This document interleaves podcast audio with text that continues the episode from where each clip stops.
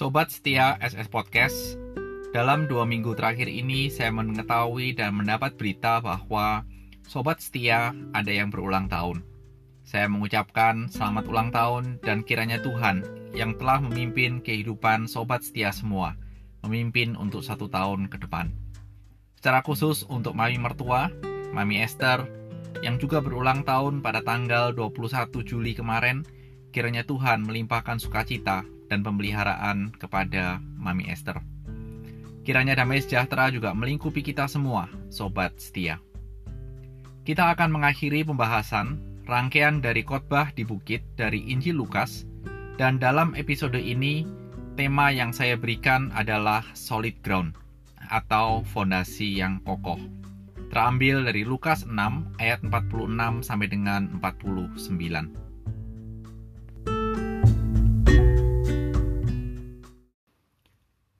Mengapa kamu berseru kepadaku, Tuhan, Tuhan, padahal kamu tidak melakukan apa yang aku katakan?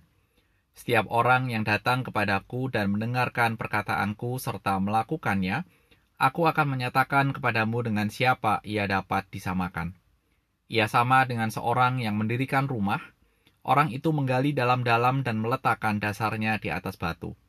Ketika datang air bah dan banjir melanda rumah itu, rumah itu tidak dapat digoyahkan, karena rumah itu kokoh dibangun. Akan tetapi, barang siapa mendengar perkataanku, tetapi tidak melakukannya, ia sama dengan seorang yang mendirikan rumah di atas tanah tanpa dasar. Ketika banjir melandanya, rumah itu segera rubuh dan hebatlah kerusakannya.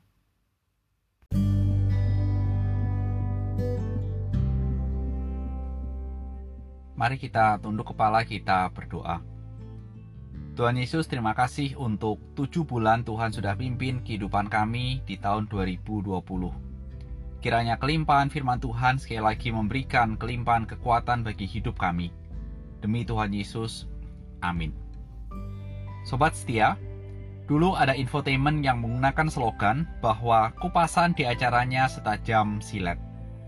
Berbicara setajam silet, mungkin kita pernah mendengar – seseorang yang berkeluh kesah atau berkomentar bahwa orang lain kalau berbicara sangat tajam dan setajam silet.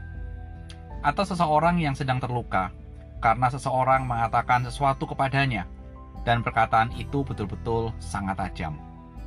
Mungkin kita pun pernah mengalami sakit hati karena perkataan seseorang yang sangat menyakitkan bagi kita. Karena ketika dia memilih kata-kata untuk diucapkan, pilihan kata-katanya sangat menusuk dan sangat tajam.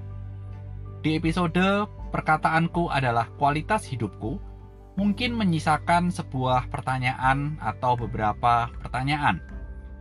Kalau perkataanku adalah kualitas hidupku, kan sangat mungkin kalau seseorang tidak memilih kata-kata yang setajam silet, tetapi memilih kata-kata yang indah, yang berbunga-bunga, sehingga menimbulkan kesan bahwa orang yang mendengarnya dia adalah orang yang sangat baik.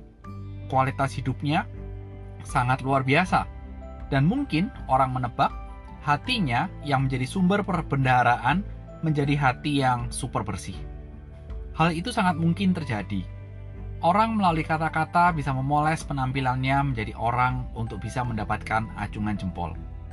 Namun perhatikan, ajaran Tuhan Yesus yang seakan-akan menyisakan sebuah celah masih berlanjut tidak berhenti sampai di situ dengan pengajaran dua macam dasar. Pengajaran Tuhan Yesus dilanjutkan langsung dengan sebuah pertanyaan. Mengapa kamu berseru-seru kepadaku, Tuhan, Tuhan, padahal kamu tidak melakukan yang aku katakan? Itu langsung muncul di ayat 46.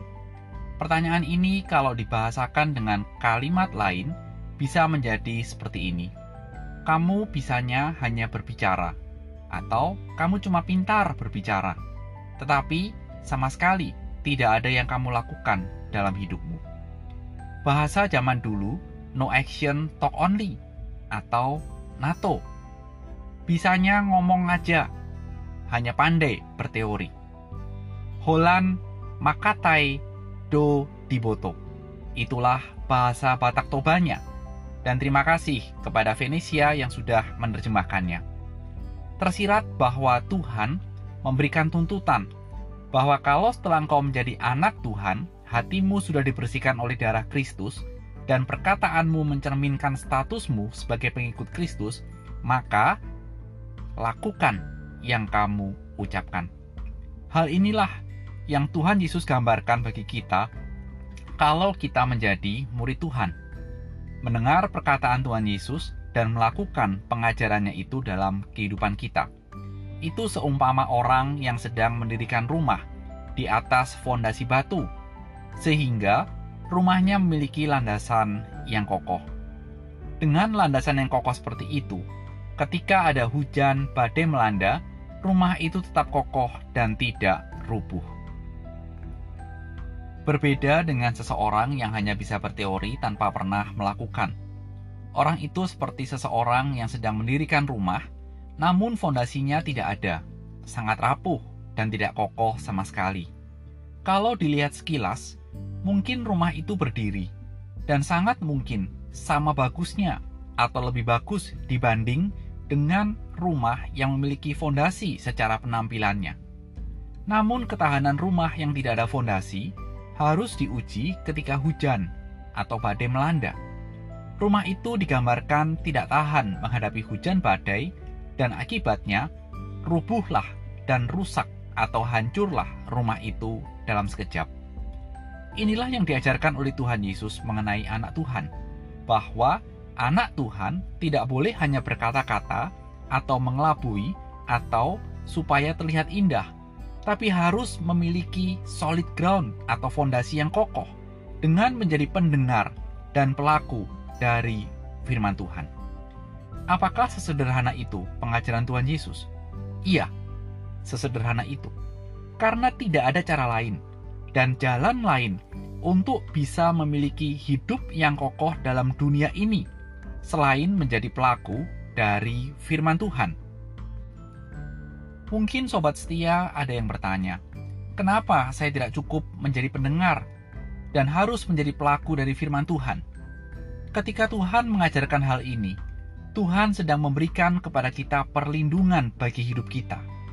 Saya ulangi kalimat saya, ketika Tuhan mengajarkan hal ini, Tuhan sedang memberikan kepada kita perlindungan bagi hidup kita dari kerasnya badai kehidupan dalam dunia ini rangkaian khotbah di bukit bukan saja memberikan dobrakan atau terobosan konsep atau pemahaman bagi pendengar dan murid-murid Tuhan Yesus, tapi juga menuntut pendengar dan murid-murid Tuhan Yesus menjadi pelaku dari apa yang Tuhan Yesus ajarkan.